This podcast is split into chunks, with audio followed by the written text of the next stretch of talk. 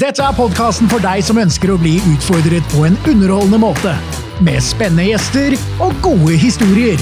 Fra studio på Solsiden i Trondheim, du hører på Rastløs. Please welcome André Villa. Velkommen til Rapp... Rapplaus? Nei, ikke rapplaus. Rastløs. Lapplaus. har du lagt Lapplaus, lapplaus! Velkommen Det til var litt mye Rappløs. nyheter. Ja, Stian. Ja. Det ble eh, litt lettere her, det skjønte jeg.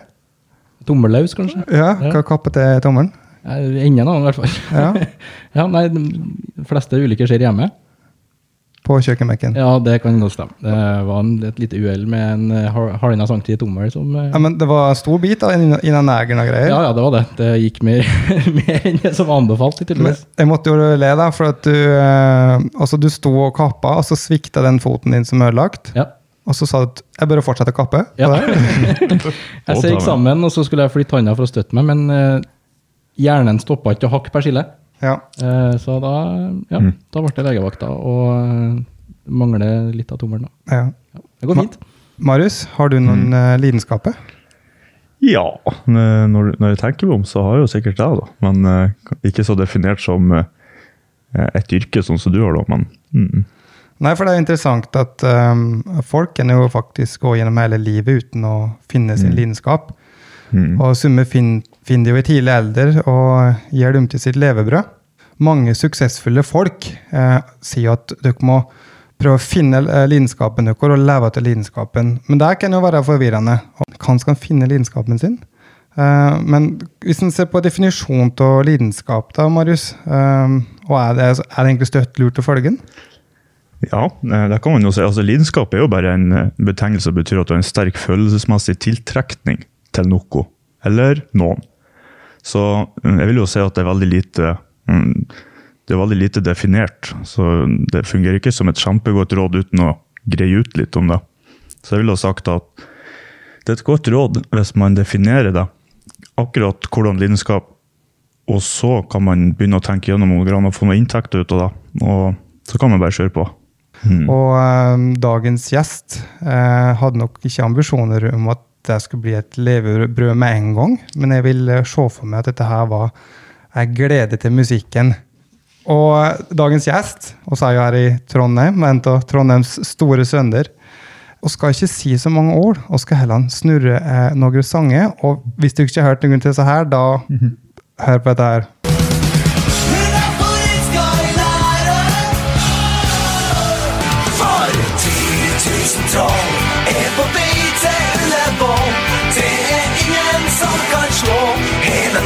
Norges RBK.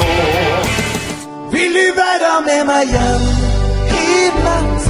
Skal vi sove i samme seng? Dag, velkommen til oss. Takk for det. Ja. Du, jeg må egentlig starte med å takke på vegne av hele Norge.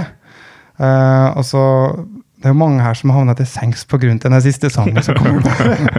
Vil du være med meg hjem? Og det går sikkert mange rundt omkring her i Norge nå som eh, eh, som er et direkte resultat av den sangen der. Kan, kan føles det? Eh, Jeg hadde ikke tenkt så veldig mye på akkurat det. Jeg kan jo fortelle at når jeg, eh, Som regel så går det fort å skrive sanger, og det gikk også fort å skrive den her. Eh, Jeg syns jo det var en jævlig fin idé, men jeg var litt skremt. Liksom, kan jeg si det her, da? Ja. Når du blir voksen, så tenker du ofte på hva syns naboen min, hva syns kona mi, hva syns ungene mine? Så bestemte jeg meg det skal jeg drite i.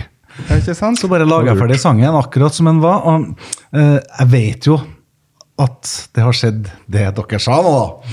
For at uh, jeg har faktisk uh, har spilt på, på sånn bryllupsdag på det hotellrommet som overraskelse fra en brudgom som fridde til kona si, og.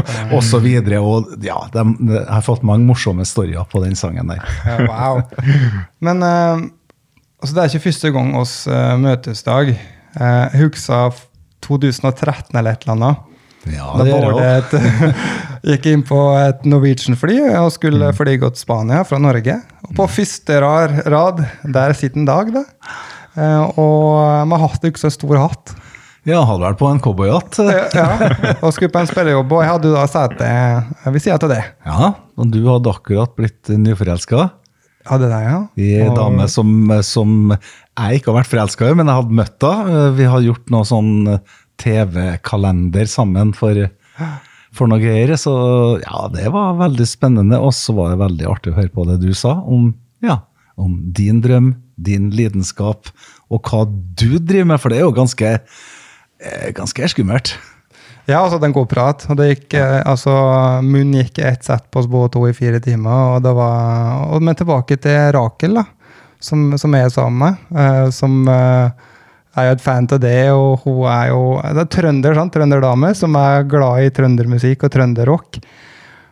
Og så var det episode her i 2018, da jeg arrangerte Ullevål Ekstrem, som var et monsterprosjekt. Eh, og da ble det utrolig mye jobb. Uh, så mye jobb at jeg fikk lite tid til Rakel og, og junior, da.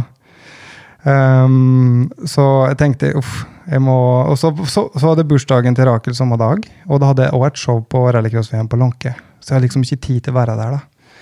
Um, og så hadde oss eh, Jeg og du har en felles bekjent, eh, Erik Are, eh, som eh, gjorde meg en tjeneste og, og kom i kontakt med det da, for å overraske Rakel. Så Rakel trodde at jeg var på rallycross-VM på Lånke, mens jeg var da ute. Utenfor huset mitt. Og så ringte Rakel ekstra og sa du, jeg tror kanskje jeg glemte at skoene mine under sofaen. Kan du gå ut på terrassa og se om de er der? Um, og så uh, ikke går hun da ut. Og da sitter en Dag i sofaen der, da. Med kassegitar, og du kom opp fra bak sofaen med en stor blomsterbukett. Veldig romantisk og fint. Ja, ja. Så det, ja, det har vært fint, det. Så måtte bøte på litt mm. altfor mye arbeid. Um, og Da ble det jo en liten, eh, ja, liten trall inni der, og så kom søsteren av Rakel òg opp troppa. Og det, ble like, like sjokkert. Ja, ja. Så um, Steike. Nei, det spørs jo når du skal gjøre igjen og begynne å kjøre over taket mitt og ta noe salto av musikken. Ja, du må, du må betale tilbake det der, ja. jeg må det. Jeg, jeg hoppa igjen i nå. Noe som Ja, uff. kan underholde for, så. Men eh, det er jo det som er, at nå hopper jeg ikke så mye. eh, For det er jo korona, eh, pandemi, alt er kansellert. Og da regner jeg med at du har en utfordring der òg? Ja, jeg hadde jo da skulle gå inn i min livs beste økonomiske sommer, vil jeg tro. Mm. Forelska læreren, 40 år. Mm. Som plate den 2. juni. Og vi hadde da vel 40 festivaljobber med originalbandet The Kids. Oi. Som skulle ut på alle de store. Og eh, da fikk jeg da en telefon. Cancelled. Så fikk jeg en telefon til med alt annet ting jeg holdt med. Cancelled. Så det er klart eh, eh, Den var drøy. eh, jeg tenkte meg litt om og tenkte ja, ja, det her går nå bra. Jeg er nå på en måte en voksen mann, og det er verre for andre. Jeg er frisk. Og hadde jo akkurat kommet hjem fra utlandet. To-tre kjappe turer, så jeg havna jo i karantene. da. Ja. Eh, fikk god tid til å tenke meg om. Eh, og man må jo fokusere på, på, på det som er bra. At vi er friske og at vi er raske, og, og at det her går sikkert bra. Eh, jeg forsto jo ikke at det skulle vare så lenge. Nei. Jeg skjønte det var alvor, blodig alvor med det samme. Og ja, det var eh, Jeg tok voldsomme strakstiltak, da. Som å slutte med snus. Ja. Slutt med tørketrommel og en del andre ting, da. Du må nesten forklare slutt med tørketrommel. Det det var, altså, slutt med snus, det er, det er mange som er enige men også hvorfor du med tørketrommel òg, da? Jo, det, det er jo et voldsomt drag i strømregninga. Ja. det da, hvis du skal gå uten inntekt i ett og et halvt år, som jeg trodde det skulle bli. Det blir jo mer. ja det, blir to og et halvt år. det. Det blir kanskje det. Ja, ja. Mm. Det, er jo ganske vilt for oss som driver i den underholdningsbransjen. For det, det er jo ikke så Noen ting er det å dette tilbake på, og man har jo på en måte sikra seg med en buffer, på en måte, en sparekonto, men det er jo til den, da. Ja, det spiser av den, og det du har planlagt for ja, når du skal bli voksen. da. Ja. Eh, Men, hva, men da må jeg spørre deg, om er jo med det her med Du får jo ikke spilt musikken din, altså lidenskapen din, og så stå på scenen kan, Det er nesten det verste for meg. Det er det verste, eh, og det, det kom fort. For, for i pressa situasjon så tenker du veldig fort og tenker, oi, eh, som en toppidrettsutøver, hvis, ikke du hopper på ski i to uker, så er du ferdig. Det, hvis du ikke du kjører sykkel og spretter rundt eh, veldig ofte, så tør du aldri mer det her igjen. Og sånn er det med å gå på en scene. det eh, altså Selvtillit det er jo ikke noe du har, men det er noe du får over å, av å prestere jevnt og over tid som en muskel. Så eh, jeg fikk jo god tid til å øve, og jeg var den første som laga en sånn, sånn hjemme hos eh, eh, internettkonsert, som jeg kaller digital. Ja. Det gjorde jeg. Eh, jeg tok strakstiltak, gikk i studio og spilte inn en sang. eh, Og tenkte det, det er kanskje flere i min situasjon, så jeg tok, det ble litt, litt billigere med strykere. Så jeg tok med strykere første gang i mitt liv, ting jeg har drømt om. Men klart, det koster penger å spille inn en plate. Så Ja. du kan ikke på å spille inn så altfor mange uten, uten inntekt. Og i dag, med Spotify, så går det ikke an å kjenne igjen det der heller. Nei. Men du hadde jo en konsert konsert forrige uke, var det? Med de strykerne? Ja, jeg hadde en, og det har vært veldig flott. da. Ja. Veldig morsomt, veldig givende. Men jeg skjønte med en gang hvis jeg ikke holder meg sjøl i form, ikke holder meg varm, så blir det aldri noe mer. Og du er jo i form. Du, og jeg møtte deg flere ganger grytidlig på treningssenteret. Oh, ja. Du er aktiv kar. Ja, Og til fire ganger i uka på Ja. Impuls Lerkendal. Ja, så bra. Ja, ja. Det må jo være tungt å være rockestjerne. Det det er jo litt annerledes enn å spille keyboard og sånn. Stå på scenen og brøle. Ja. Mm, Det er veldig fysisk, vel, så du må være i god form. Det må det være eh, på alle, alle måter. Og eh, dagene må jo som sagt det, det må gå, da. Du kan jo ikke holde på å øve hele tida. Så det er jo på vinterstid starta med å gå og trene. Det var fint. Sommeren så har jeg brukt å spille golf, men jeg syns det er ganske morsomt å trene litt om sommeren òg. Så ja, det er fint. Men du, Augustus, gå litt tilbake i tid nå.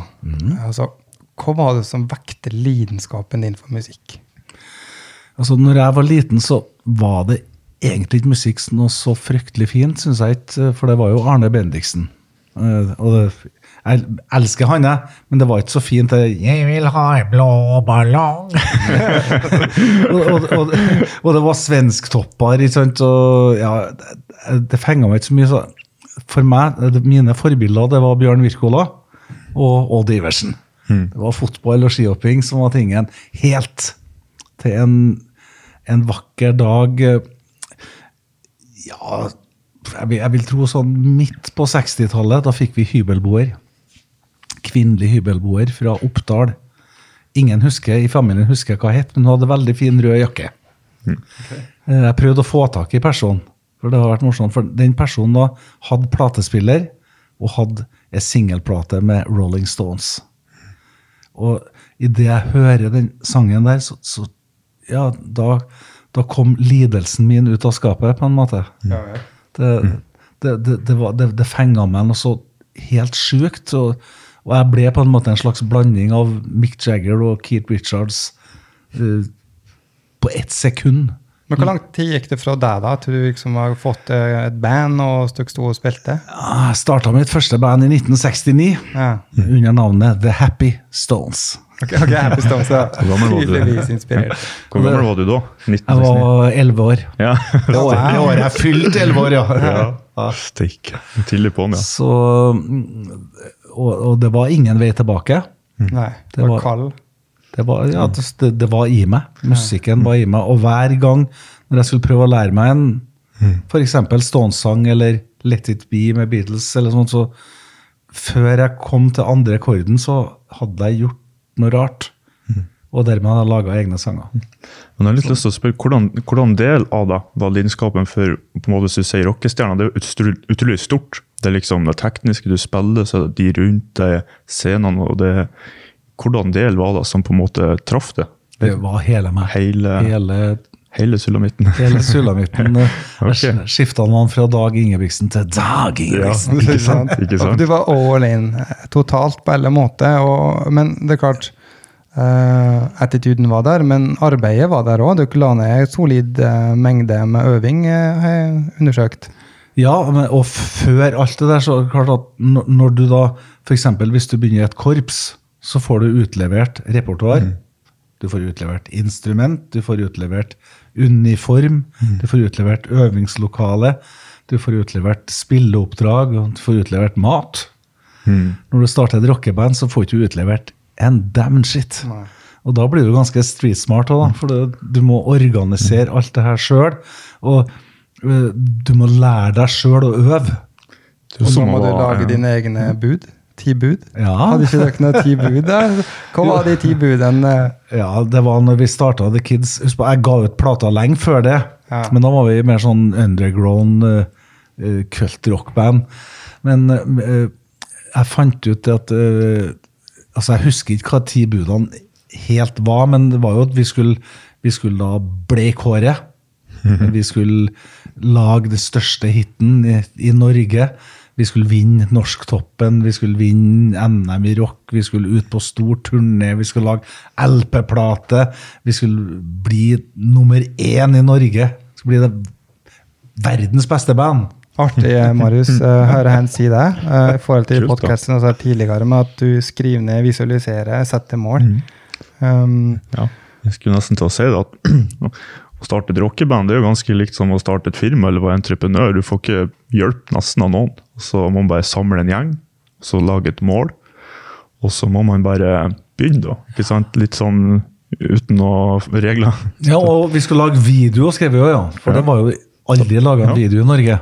Forelska læreren var jo alt da en stor hit, og så kom videoen. Det kan ikke være rekkefølge på det. Var det videoen som utgjorde det? Forelska er en kjempebra låt som, som har riffet, den har teksten, den har meninga, den har lidenskapen.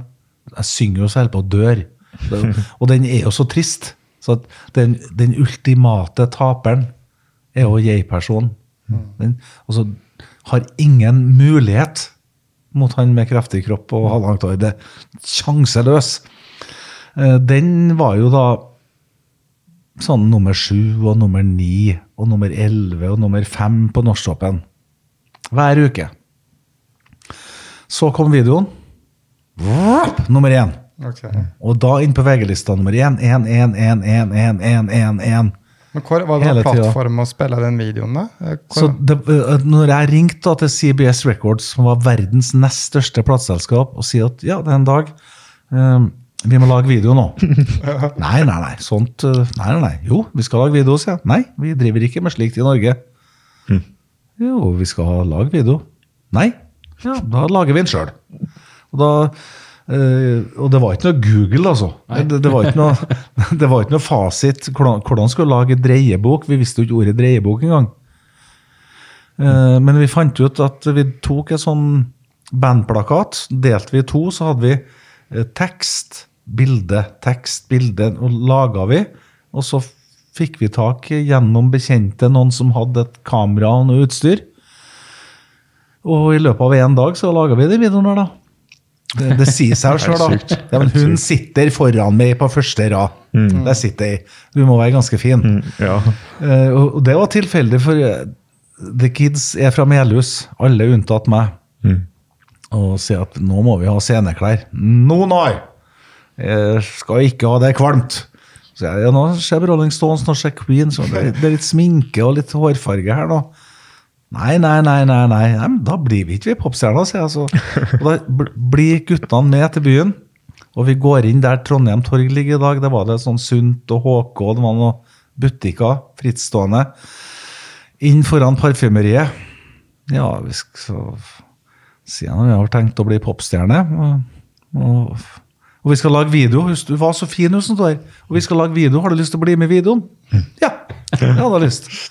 Og hun, hun jenta, da, hun, jeg hadde aldri sett henne før. Aldri møtt henne. Grunnen til at jeg syntes hun var så fin, var at hun så litt svensk ut. og hadde sånn Ei tann som lå litt utapå andre tanna. Men den syntes ikke hun var fin. Så hun dro jo da til Hollywood, Los Angeles, ble, øh, ble da fotomodell. Men hun gifta seg med en amerikansk tannlege og fikk ordna opp i en tanna. Så enkelt var det. Han som var læreren i videoen, det var en bekjent av en bekjent eh, som jobba som sjåførlærer i Trondheim. Vi skjønte at det her var en hit, altså. Ja, okay. Vi rulla oss rundt eh, i glede og hyla av vrært og skjønte at nå! Nå blir vi popstjerner!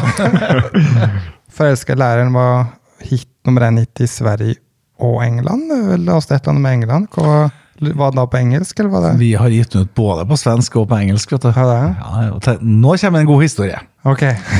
uh, vi var da et helt vanlig norsk band som fikk egentlig ganske fin suksess. Uh, borte i Sverige så står det en ung, ung, ung lagergutt. Jobber på lageret på CBS Records, som i dag er Sony. Han står og sorterer plater og rydder litt, og så drar han frem LP Norske Jenter. Wow! For et, for et tøft band! Så setter han på plata. Wow! For en tøff musikk! Men jeg fatter ikke hva de synger! Og gutten han springer over gata inn på en bokhandel og kjøper seg norsk-svensk ordbok. Og så begynner han å oversette tekstene og forstår. Og, og forstår liksom hvis, hvis, hvis de gir ut det her på svensk, så kommer, kommer det her til å bli en monsterhit. Så han eh, oversatte alle tekstene. Går han opp til sjefen sin på øverste sjef på kontoret og spør om ikke han kan få lov til å reise til Norge og Trondheim og få lov til å spille inn der? Jo, jo. Det er jo bra, sier han sjefen. Og han eh, unge lagergutten han kommer til Trondheim. Og vi, ja, på en lørdags ettermiddag, vi synger nå alle sangene på, på svensk. Eh, på den søndagen så var det NM i rock i Trondheim. Han unge svenske lagerkillen han bli med dit. Ja, på vår alder. Og så, fy faen, for et tøft arrangement. Hvorfor har vi ikke sånn i Sverige? Så reiser han hjem da, den mandagen til Stockholm, gir ut The Kids, som går rett til topps.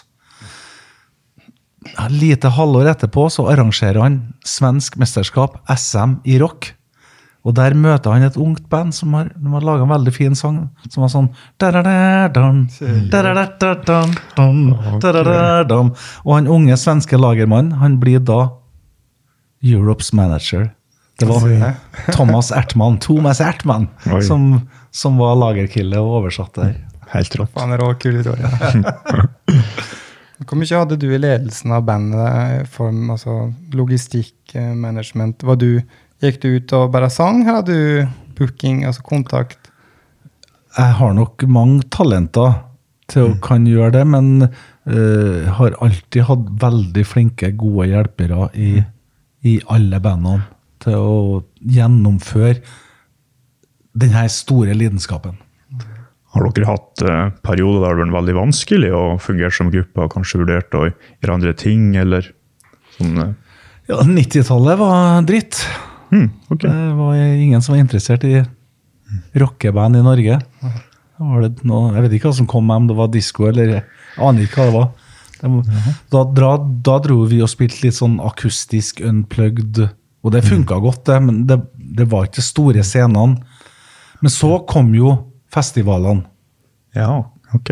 og da ble jo eh, all lidenskap tilbake. Da, det, da ble det råd til å ha band igjen. da. Så du sier at det var en periode på rundt 90-tallet der var eh, plater, rock'n'roll-plater, og sånt hadde litt en sånn nedgang? Sånn, eh, Alt hadde nedgang her på berget. Spesielt. Du vurderte ikke å, å legge gitaren på hylla da, på 90-tallet? Det var ikke sånn at du kjente at det her orker ikke lenger? Nei, nei, nei. Nei, du, du, Nei, jeg hadde en periode eh, Jeg hadde bestemt meg liksom På slutten av, når jeg, på slutten av 20-årene mine så hadde jeg bestemt meg at når jeg blir 30 år, da skal jeg aldri mer spille i band. Da skal, jeg, da skal jeg bruke tida mi til å hjelpe andre.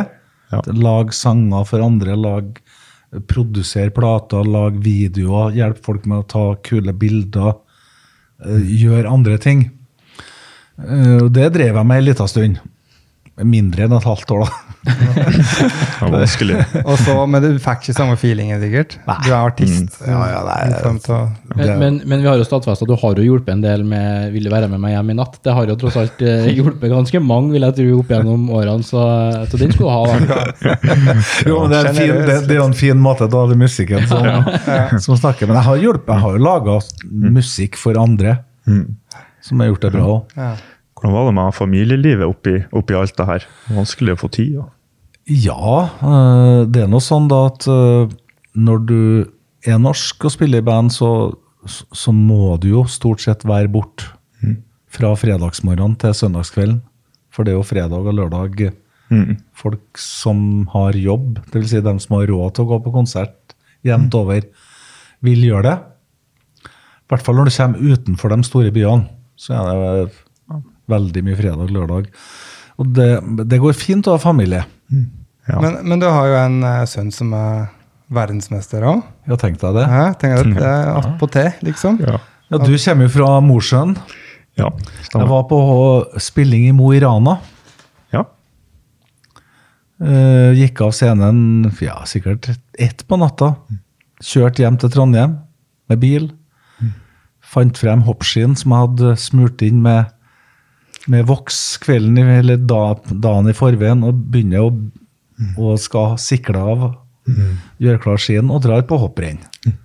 Det gjorde jeg. Stor, stor det Ja, for du hoppa, hoppa sjøl, du. Jeg har hoppa sjøl, men ikke på et sånt nivå. Nei, nei, men du hadde jo skjønt at far din introduserte deg for dette her, og det har vært liksom i familieblodet. Jeg tror farfaren min hoppa òg. Ja. Men altså, altså Tommy, da, sønnen din, en eh, bronse, altså han var jo verdensmester alt som 17-åring. Eh, Bronsemedalje i OL i 2006 og fire VM-gull. Og hadde jo da verdens lengste skihopp på 216,5 meter. Jeg tror det er 219,5 som var Ja, der har du første. ikke- der har du Dag rett, ja. 219. Ja, Vent, jeg papirer opp og ned. Seks tall. Han har vel hoppa 236, tror jeg. ja, Men nå, da, da var det noen som hoppa lenger samme dagen. Så. Ja. Ja, det er helt, men, men Kanta, det er liksom redselen her, da. Um, hopping å se sønnen din, eller altså gå ut på ei scenelek kant. Hva det er å være far, og hvor mye kunne det være del av hans eh, karriere? tror vi er litt lik sånn uh, rett eh, Jeg er ekstremt god til å forberede meg. Så jeg bruker veldig lang tid på det. Tenk gjennom, visualisere alt. Og har en plan A, B, C, D, E, F. Altså alt som kan skje, som ikke er herre over, har jeg men på en måte mestra. Mm. Så jeg kan være ganske vanskelig på mandag, tirsdag, onsdag, torsdag. For jeg går og lukker meg inn i, i det her og uh, ser ikke så mye positivt. Men idet jeg går på scenen på fredagen, så er jeg jo så blid. Og det, det er jo ekstremt med øving, da. Ja. I, I tillegg. Eh, sånn er det vel også å være skihopper. Den frykta, den er vel gjort unna på forhånd. Men, men hvordan er frykta som far, da? Ja, den eh, har vært stygg. Ja. Jeg har jo da eh, i hevd over å være meg sjøl og vært litt uh, hopptrener også. i mange, mange mange år for stort sett alle sammen. Etter hvert som vi fikk tak i ordentlige trenere, så ble jo jeg leder. På en måte sjåfør og kokk. Ja, det, og Det var del av det, ja. Så ja. bra. Eh, og eh, eh, altså arven etter meg er trønderhopp. Jeg tror det var 50 aktive hoppere. Jeg tror om det var 47 eller 48 som lærte seg å spille gitar og synge. Jeg skjønner, der, ja.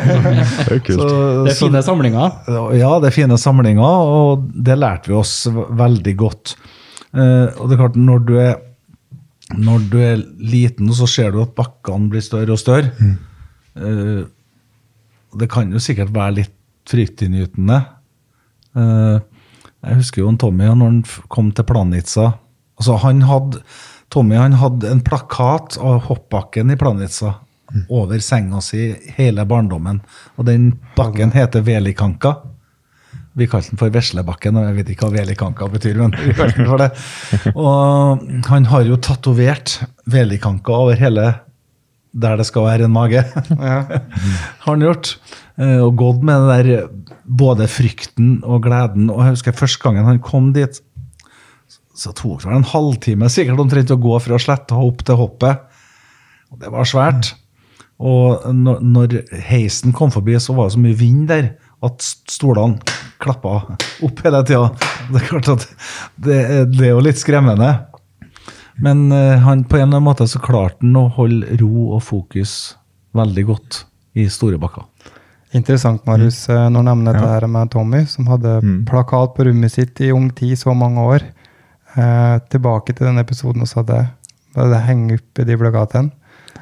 Det vi kaller vision board. Jeg, Vision board. jeg Og så hadde en episode om det her. Jeg skulle, Visualisering er jo, det er jo et fellestrekk både for motocross og å gjøre opptredener på scenen og skihopp. Må se det for seg og på en måte trene bort eh, angstfølelsene. Så hvis du er skikkelig godt forberedt, så kanskje er du mye mindre nervøs når du skal gå på scenen. Sånn, så bort. Eh, På, på scenen da, så har vi ikke så mange motstandere. Sånn, om du er god og spiller fotball, så kjenner plutselig en back og knekker foten på deg. Mm. og er du skihopper, så plutselig kommer kommer vinden fra høyre eller fra venstre eller bakfra eller forfra. Det er ikke alt du har kontroll på. Eh, Men er du i form?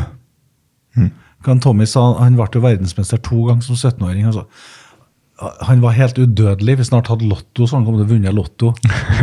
Han hopp salto i alle retninger. Samme hva han gjorde. Han var så jævlig god form. Det er, jeg vet den følelsen der, og samtidig en skummel følelse, for du, du føler nesten udødelig. Eh, og det er, det er de gangene det òg kan gå på en smell. Eh, Jeg vet ikke om hen du gjorde det for hen, men eh, det er en Nei, Du går jo på smellen at du, du, du tøyer strikken enda mer. Ja. At du, du setter deg enda kvassere med knærne og enda lenger ned med rumpa. og Til slutt så klarer du ikke å komme deg ut av hoppet. Men, men eh, dere snakka litt om eh, Vision Board, og nå eh, har jeg tenkt å ta opp noe som de andre to kompisene mine her aldri har snakka om, og vi aldri har tatt opp her før. Men det er Når jeg vokste opp, så hadde jeg noe på, på veggen, jeg, og det har med Rosenborg å gjøre. Det er jo ikke spesielt han Vågå-gutten bortpå, han vet jo ikke hva jeg snakker om nå, men eh, Han og fotball, det er liksom toppskårer, det våger jeg ut. Du snakka jo litt tidligere om at eh, det var, det var Iversen. Og, og hvordan er den lidenskapen for For jeg har jo vokst opp med en del Rosenborg-sanger og stemmen din. Og jeg må jo si eh, eh, den dag i dag så Nå har jeg jo sesongkort på Lerkendal, jeg har ikke fått brukt det nå i år, men, men jeg synger jo med, jeg òg. Og, og hvordan har den, den følelsen, den lidenskapen din utvikla seg gjennom årene? Jeg skal fortelle deg, ja, at uh, jeg var på alle hjemmekamper. Så farfaren min hadde med far min. Og far min hadde med meg. Jeg er tredjegenerasjons Rosenborg-supporter. Og uh, klart uh, Jeg har vært på alle kampene, og så hadde du tida som barn da, hvor du for og samla flasker. Og gjemt i hekken ut mot Strindveien. Det var mens det var store stå der. da. Det var henta flaskene på Mandalen og panta dem opp på Ja. nærbutikken. Eh, og så kom tenårene hvor du måtte ha penger. Så jeg skulle ha bensin på mopeden, jeg skulle ha nye strenger på gitaren, så kanskje ha en pakke tobakk. kanskje en par øl. Det var før, det før. Kanskje, kon kanskje kondomer. Vet aldri, men Bruker det, ja. Eh, Så da gikk jo jeg solgt på Lerkendal. Så når det var da finvær, så solgte jeg brus og is. Og når det var skitvær, solgte jeg buljong og pølser. Ah. Eh, Men jeg har vært der, og jeg har hørt musikken som har vært der, og det var på en måte et savn òg, for å få lov til å gi noe. Så når det var da utlyst en sånn sangskriverkonkurranse i 88, så skrev vi Rosenborg-sangen. Ja. Der starta det for oss, da. Ja, det, det, det er noe eget eh, Det er noen andre følelser som vekkes i deg på en kamp, på en fotballkamp enn du kanskje har når du går på scenen. Jeg ser jo i forhold til hva jeg driver med utenom med en gang jeg kommer på en fotballkamp, og det er fotball. Så det er helt andre følelser som vekkes, og man legger kanskje til side den, den man egentlig er, på et vis òg. Jeg har ikke tenkt så mye på det, men kona mi har sagt det. Så nå skjønner jeg hvorfor mannfolk går på fotballkamp. Det er jævlig engasjerende, da. Ja. Det er det jo. Jeg, men jeg tror folk tenker litt forskjellig. Når jeg er på fotballkamp, så tenker jeg eh, på taktikken og tenker på, på my, veldig mye rart. da. Det må være spesielt når du sjøl har så li stor lidenskap for en sport, et lag, og høre alle supporterne og folk på laget etter en seier synge en av sangene dine med et stort publikum. Men det største publikummet som kanskje har sunget en, en av sangene dine, eh, det var på eh, Granåsen, med selveste Metallica. Og så er et lite lydklipp fra der.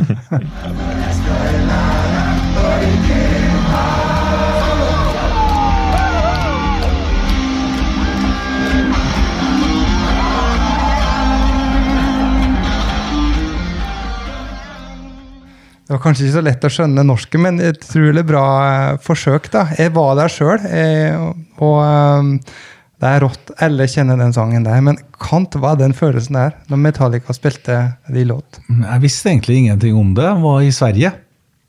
Satt sammen med masse venner på et langbord og hadde vel en sånn eh, sjømataften, et eller annet, i Sør-Sverige. Eh, der begynte tekstmeldingene til alle rundt bordet og, og tikker inn og filmer. Og der ringer gitaristen min til meg og, og sier Dag! Metallica spiller 'Forelska læreren'! Hæ? og Dag! De, de spiller hele sangen, jo! Og de synger på norsk! Oi, ja.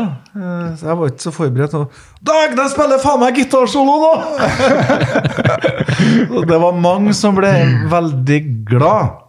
Det er klart, det er vel sikkert ærefullt. Ja, det vil jeg tro. Og vi var der begge to, André, og det, det, må, det må være den sangen flest sang med på på hele konserten. Helt klart. Den er kul hele. Ja, og her kommer det en rockehistorie dere lurer på, ja. Eh, Han som spilte uh, gitar i Metallica, er Kirk Hammett, eller hva han heter. Uh, han spilte jo på en Gibson Les Paul. Og for det, det gjør jo vi òg. En Gibson Les Paul som spiller gitarriffet og gitarsoloen. Men den Gibson Les Paul han spilte på i Granåsen, men plukka frem da, det er den gitaren som han, han eh, Peter Green nå nettopp avdøde. Gitarist fra Fleetwood Mac, han som har laga Black Magic Woman og alle de sangene der. Han syntes en Gary Moore var så jævlig god å spille gitar, men han hadde så ræva gitarlyd. Så han eh, ga bort den gitaren der til en Gary Moore. Den har han Kirk Hammett kjøpt på auksjon for eh, om det var 1 million dollar eller 10 million dollar. Det var i hvert fall et Enorm sum, ja. enor- enorm sum. Og den gitaren spilte han på i Granåsen. Den gitaren kalles for The Greenie. Wow. Rått. rått. Ja, det Med er forelska læreren, det er litt stilig. Ja, det er tøft. Ja. Ja, ja. Som, som gave til forelska læreren. Har du noen tips til de som hører på, som kanskje ikke har funnet sin lidenskap, men de har en følelse, kanskje, jeg tror ikke det kan være, og hvordan de skal få til noe ut av det? som du har klart. det, så det viktigste er jo å følge drømmen. Og i, i dag kan jo folk gjøre det. For Økonomien er jo mye bedre nå enn den var før. Så har du en drøm, så må du følge den, for hvis ikke så Hvis ikke så får du aldri gjort noe med det siden. Du, du, du, men du må mene det tvers igjennom. Det er klart, det er jo vanskelig å si det, for det er mange som ikke har talent. Men det eneste talentet du er født med, det, det er jo det å bli født. Ja. Eh, Resten er faktisk trening, da. Og Det er et kjempegodt råd inni her at man får til nesten hva som helst hvis man tør å spørre, og man er bestemt, og man finner ut først hvordan resultatet må være før man ser på reglene. Sånn som du visste du må ta en musikkvideo. Ja. Du, før du visste at det var ikke greit i Norge. Og så tenkte du ja, ja, men vi må uansett ha den, for jeg har funnet ut at vi trenger den. Så hørte du ikke på reglene. Så det er mye man kan ta ut, altså. Det, som er universale eh, regler. Helt, helt klart. Men til deg, André, du har jo valgt en retning som ikke er veldig vanlig, og som i hvert fall ikke var vanlig for eh, ganske mange år siden når, når du valgte freestyle. Var det noen som sa det her skal du føle, eller det her skal du ikke føle, eller det her blir du Du kommer aldri til å klare deg, for du får ikke noe penger. Hvordan hvordan var det? Jeg husker faren min sa det, at uh, hell motorsykkelgreier som en hobby. Du kommer heller til å leve av det. Ja, sett til, føler du i dag? ja, skulle fått ta inn. Og faren min sa til meg nei, band, nei, nei dæven, eh, det blir hasjtabletter. Ja, ja. Og groupies. ja. Det er jo ikke det Forferdelig plagsomt med så groupies en dag. Nei, ja. Men, men eh, det som er altså Vi skal liksom kategorisere um, um, lidenskapen, da. eh, hva du kan leve av og ikke. Så er det en del som faller mellom der. Eh, og ikke som, altså Min idrett var jo en av dem at jeg kom fra Gudbrandsdalen og skulle prøve å bli best i verden i en idrett som du driver med i California. Det var liksom motstrøms da, totalt. Eh, så, um, men, men på sånn måte som det er i dag, så, så var det ikke hovedsakelig altså, å leve av det som var målet, men det var å bli god, da. Eh, Men å få en frihet til å være sin egen sjef, eh, da var det et eh, håp om. Men at sporten skulle utvikle seg slik den gjorde, og at det trefte så bra med timingen, det, det var jeg ikke forberedt på. Det var vel ikke bare å treffe med timingen, det ligger vel noen timer og noe talent i det her òg, det var ikke bare timing. Så gikk du fra det å, å si at du skulle, du skulle være din egen herre og bestemme sjøl, og så ble du sammen med mirakel. Så, var så fort, ja. Da, og da er jeg, jeg skiller der, ja. Ja. Jeg tror at jeg bestemmer det sjøl ennå, da. Stian koser seg, da. Sitter den nye T-skjorta si. Hva har du på T-skjorta, Du, egentlig? T-skjorta mi for anledningen, eh, så er det et, eh, et, en karikaturutgave av ansiktet ditt. Og så står det Vågås Våghals på framsida, og så er det nummeret ditt, 79, og Våghals på ryggen. Ja vel, ja. Ja, sexy. Og det er inspirert av Det er inspirert av VG-journalisten som droppa din profesjonelle karriere etter Reksgames-møtet med Raja. Som poengterte at alle andre til stede var profesjonelle, men han, André Villa han er bare en våghals, altså. bare en motorsykkelvåg. Altså. Ja. Så, den, den blir du ikke kvitt med Det blir ikke det. Men, men tilbake til med, det her med lidenskap. Uh, og oss har noe som heter Redskapskassa-dag, eh, som er en liten eh, del i podkasten vår, der vi skal gi lytterne våre noen konkrete tics, tips. Eller tips.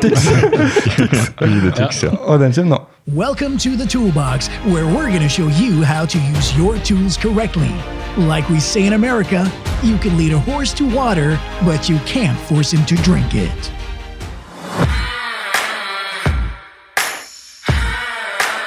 Eh, Steve Jobs han sa jo at den eneste måten å gjøre bra arbeid på, er å elske det du gjør. Eh, og det kan være noe til det. Uh, men første steg er å finne ut hva, hva lidenskapen din faktisk er. Og det er jo ikke så lett. Um, og så er det det som vi pratet om tidligere. Er lidenskapen noe å leve av? Um, eller er det bare noe som du, en fritidsaktivitet?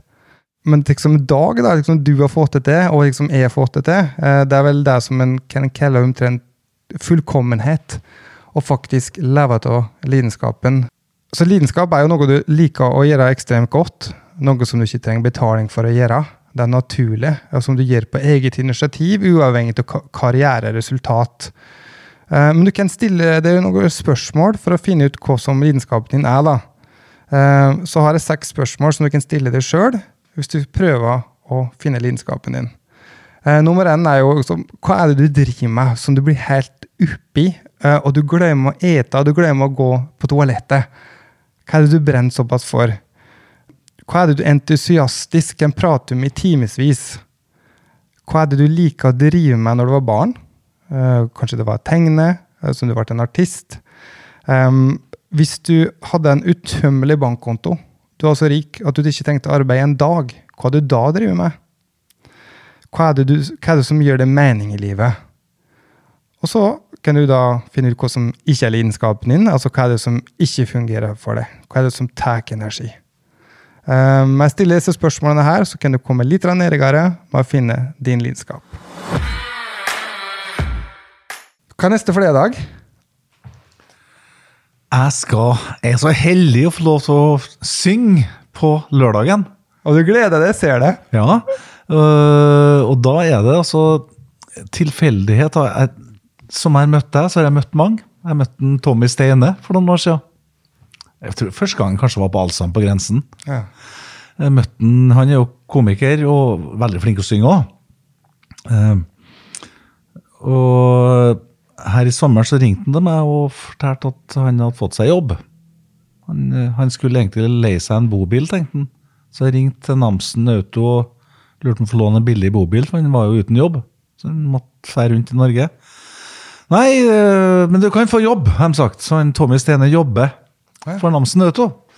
Så han ringte meg her og lurte på om eh, de skulle ha et arrangement, om jeg kan komme og synge. Ja, selvfølgelig kan jeg komme og synge. For, for det er tross alt det er rykk tilbake til start. Du må på en måte starte, eller fortsette der du begynte. Du må si ja, ja. Ja, og så må du jo komme og spille, da, gjerne alene. Men ha med gitaren. Uh, her ble såpass bra at jeg kunne ha med meg to til i bandet. Oi, oi, oi.